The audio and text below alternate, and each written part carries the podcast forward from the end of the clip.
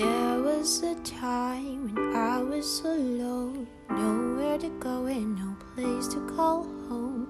My only friend was the man in the moon, and even sometimes he would go away too.